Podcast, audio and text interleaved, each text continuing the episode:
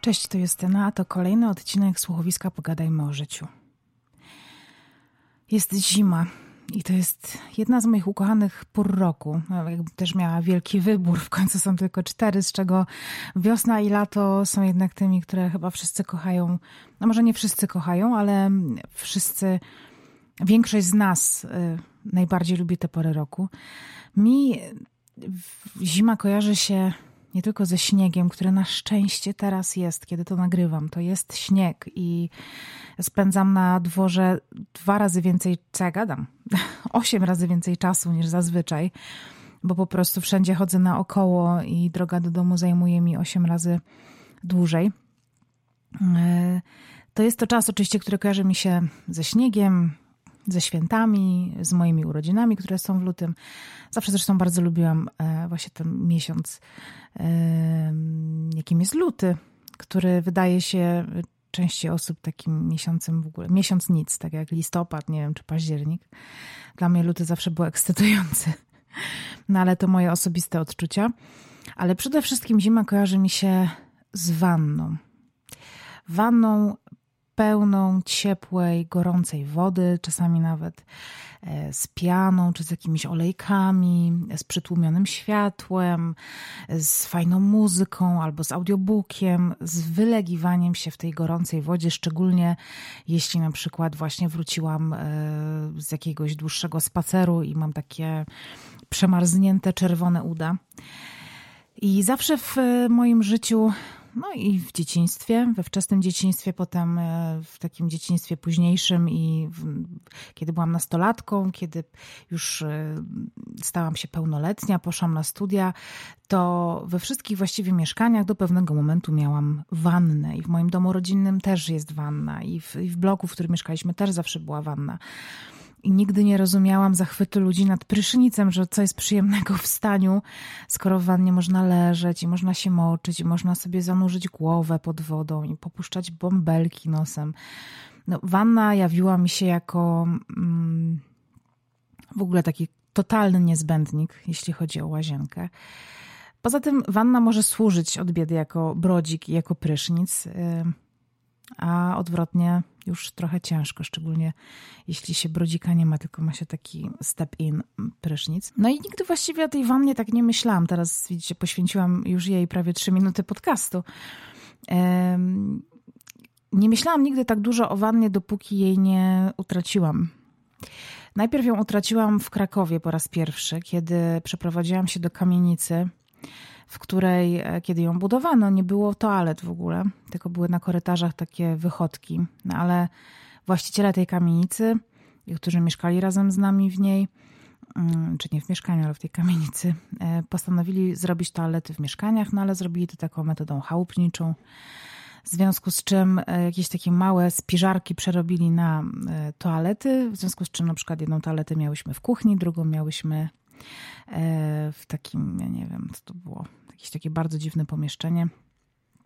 Coś sobie takiej, nie kotłowni, no bo w, w kamienicach nie było kotłowni, ale w takim pomieszczeniu, gdzie na przykład właśnie wisiał boiler i no, i tam miałyśmy dwa prysznice, bo to były takie jakby osobne łazienki. Jeden prysznic e, wyglądał tak, jakbyście wyobrazili sobie pójście na opuszczony stary basen, które, na którym nikt nie był od 15 lat i wchodzicie, taki urbex sobie robicie, idziecie do, właśnie do e, pomieszczenia, które się nazywa natrysk i tam właśnie wygląda e, tak, jak myśmy miały taki prysznic w mieszkaniu, po prostu był taki zwykły wąż, taki ogrodowy, nawet nie, nie miał takiej, tej takiej srebrnej, wiecie, sprężynki na słuchawce. Był ogrodzony taką ceratą, która się po prostu kleiła do ciała i to było okropne. Ja na szczęście mieszkałam w tej części mieszkania, e, w której korzystałam z innego prysznica, który to z kolei był idealny dla mnie, bo miałam 1,60 m e, i nie uderzałam głową w sufit, bo to było też jakieś takie w ogóle w takiej dziwnej wnęce. Ten prysznic zamontowany był tak mały, że trudno się tam było obrócić, wyprostować, e, szczególnie jeśli się było troszeczkę nawet wyższym ode mnie. Mm, no i to, było taki, to było takie miejsce, kiedy po raz pierwszy w życiu mi wanny zabrakło, no ale jeździłam na weekendy do domów, tam była wanna, więc spoko. Więc sobie jakoś to nadrabiałam, tym bardziej, że na te weekendy jeździłam często. E, ale wanny tak naprawdę, naprawdę, naprawdę w życiu mi zabrakło całkiem niedawno. Dlatego, że y, kiedy się przeprowadziłam tutaj do Warszawy, to zrobiliśmy po krótkim czasie mieszkania razem taki duży remont tutaj z Krzyśkiem. E, też wyremontowaliśmy łazienkę, a w tej łazience była wielka, gigantyczna, trójkątna, taka narożna wanna, do której ja nie wiem ile tam wchodziło litrów wody. Podejrzewam, że ćwierć basenu. Napuszczała się niezwykle długo. Jeszcze miała taki dziwny kran, który taką kaskadę jakby puszczał, to nie było tak, że to po prostu leciała woda z takiego perlatora, tylko to właśnie była taka płaska tafla wody. E, jako, że mieszkamy w starym bloku i tutaj są jeszcze chyba stare e, instalacje wodka, to ta woda, jak się odkręca ją na ciepłą, to ona jest po prostu taka, że leci z niej para, po prostu jest wrząca. W związku z czym trudno było mi leżeć i puszczać sobie wody do wanny, bo to, to był w ogóle też taki dla mnie rarytas, czy może nie rarytas, ale taka ulubiona forma kąpieli w wannie. To było, kiedy wchodziłam do wanny, już była woda, na tyle jej było dużo, że mnie zakrywała i wtedy sobie dopuszczałam wodę i cały czas sobie dopuszczałam tej cieplejszej, jak już mi ta woda stygła, albo zimniejszej, jak było mi za gorące. I tak cały czas. W związku z tym ta woda non-stop leciała. E, I miałam, przez to, że ta wanna była taka duża i, i ta kaskada była taka mało praktyczna, to miałam trochę tej wanny dość z tego względu, że zawsze jak na przykład chciałam wziąć szybki prysznic, no to musiałam jednak używać tej dużej wanny, bo ten prysznic, coś z tym prysznicem też było nie tak. W każdym razie byłam zmęczona wielkością tej wanny i w pewnym momencie dotarło do mnie, że żeby po prostu dokonać takiej codziennej toalety, to muszę naprawdę zużywać mnóstwo wody i zaczęło mi to tak psychicznie przeszkadzać. W związku z tym, kiedy robiliśmy remont łazienki, zdecydowaliśmy się, że będziemy mieli prysznic, też z tego względu, że mm, chcieliśmy do łazienki dać pralkę, która wcześniej stała w kuchni, ale no, nie, nie, mieściła nam się wedle naszego zrozplanowania przestrzeni. W związku z tym prysznic stał się taką koniecznością, no, trochę z bólem serca, ale okej, okay, dobra, prysznic, niech będzie. E, I powiem wam, że żyję z tym prysznicem już, e, znaczy z narzeczonym żyję, ale z, mamy razem prysznic od, nie wiem, 2017 roku.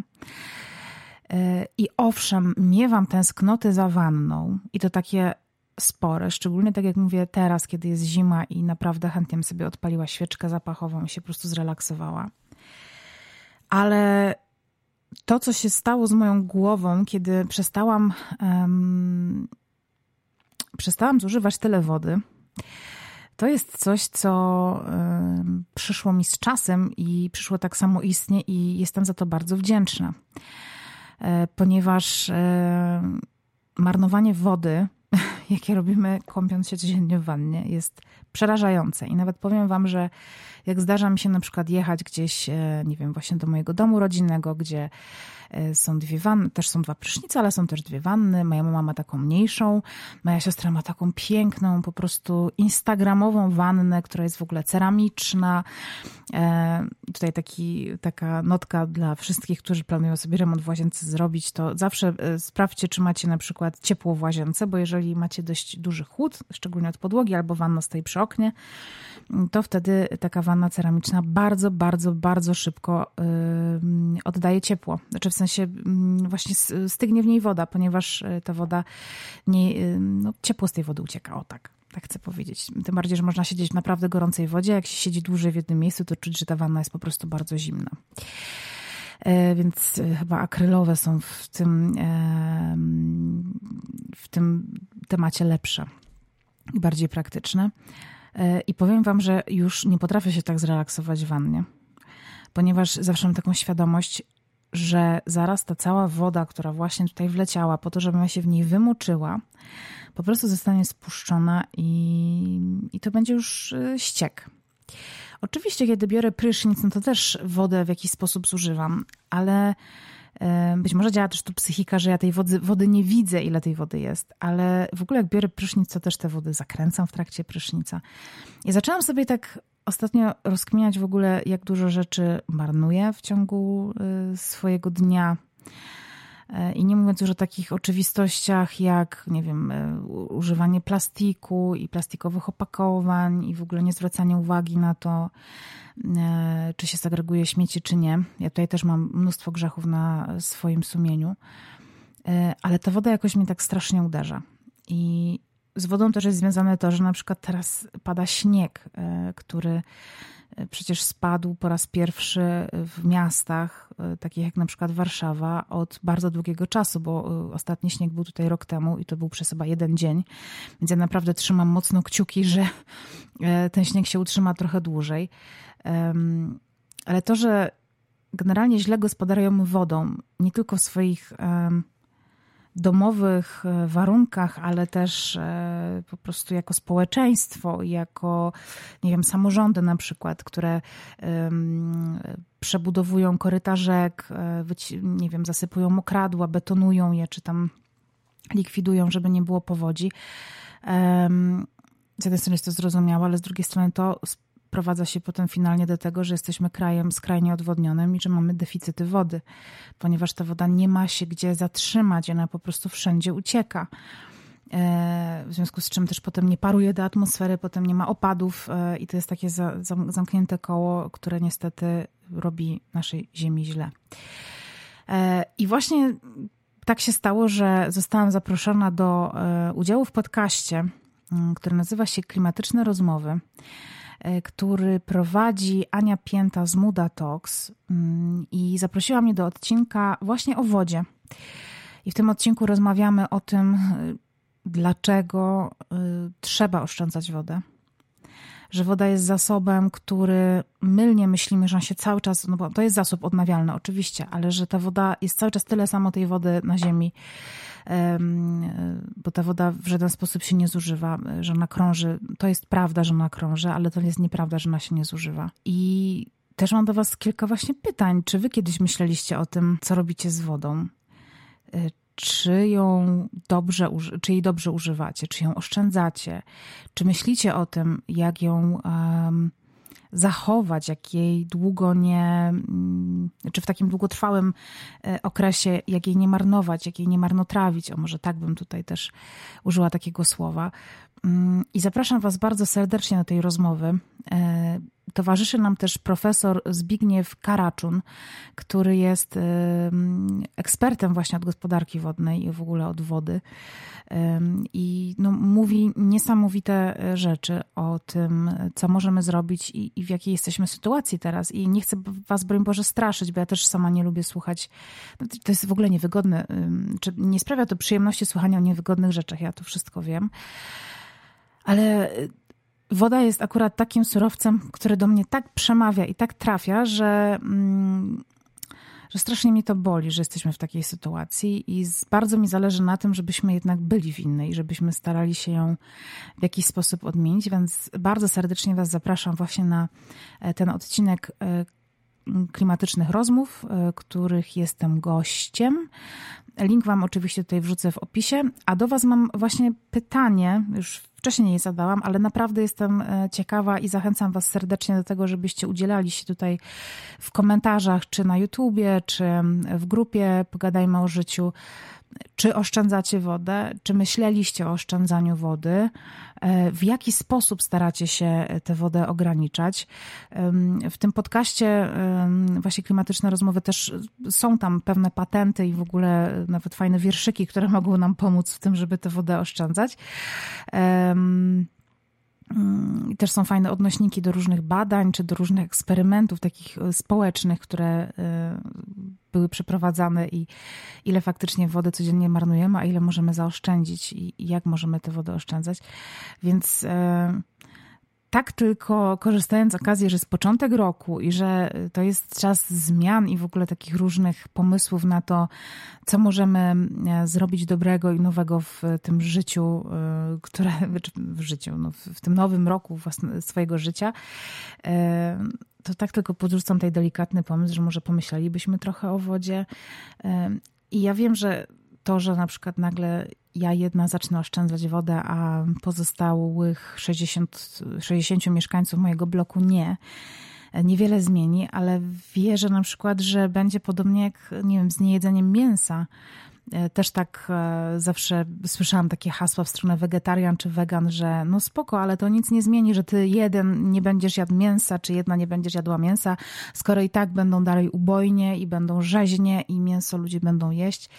E, oczywiście, że tak, ale okazało się teraz, że o ile procent spadło spożycie mięsa w Europie? Chyba o 60 czy 70% w ciągu ostatnich lat, więc dosłownie w ciągu ostatnich 3-4 lat w Polsce też ten spadek jest gigantyczny. Teraz nie chcę Was e, wprowadzać w błąd z tymi e, statystykami, ale to nie jest 5, 6, kilkanaście procent, tylko to jest kilkadziesiąt procent e, spadło spożycie mięsa, więc wierzę w to, że jeżeli każdy z nas w swoim domostwie i w swoim otoczeniu zacznie dbać o to, ile jest wody, ile mamy wody, dbać o to, żeby ta woda była, żebyśmy też może, jeżeli mamy jakieś działki, e, pomyśleli o tym, w jaki sposób możemy tę wodę zatrzymać, mm, to po prostu będzie lepiej. Przyczynimy się faktycznie do tego, żeby nasz klimat żeby pomóc naszemu klimatowi odzyskać równowagę, która jest skrajnie w tym momencie zachwiana.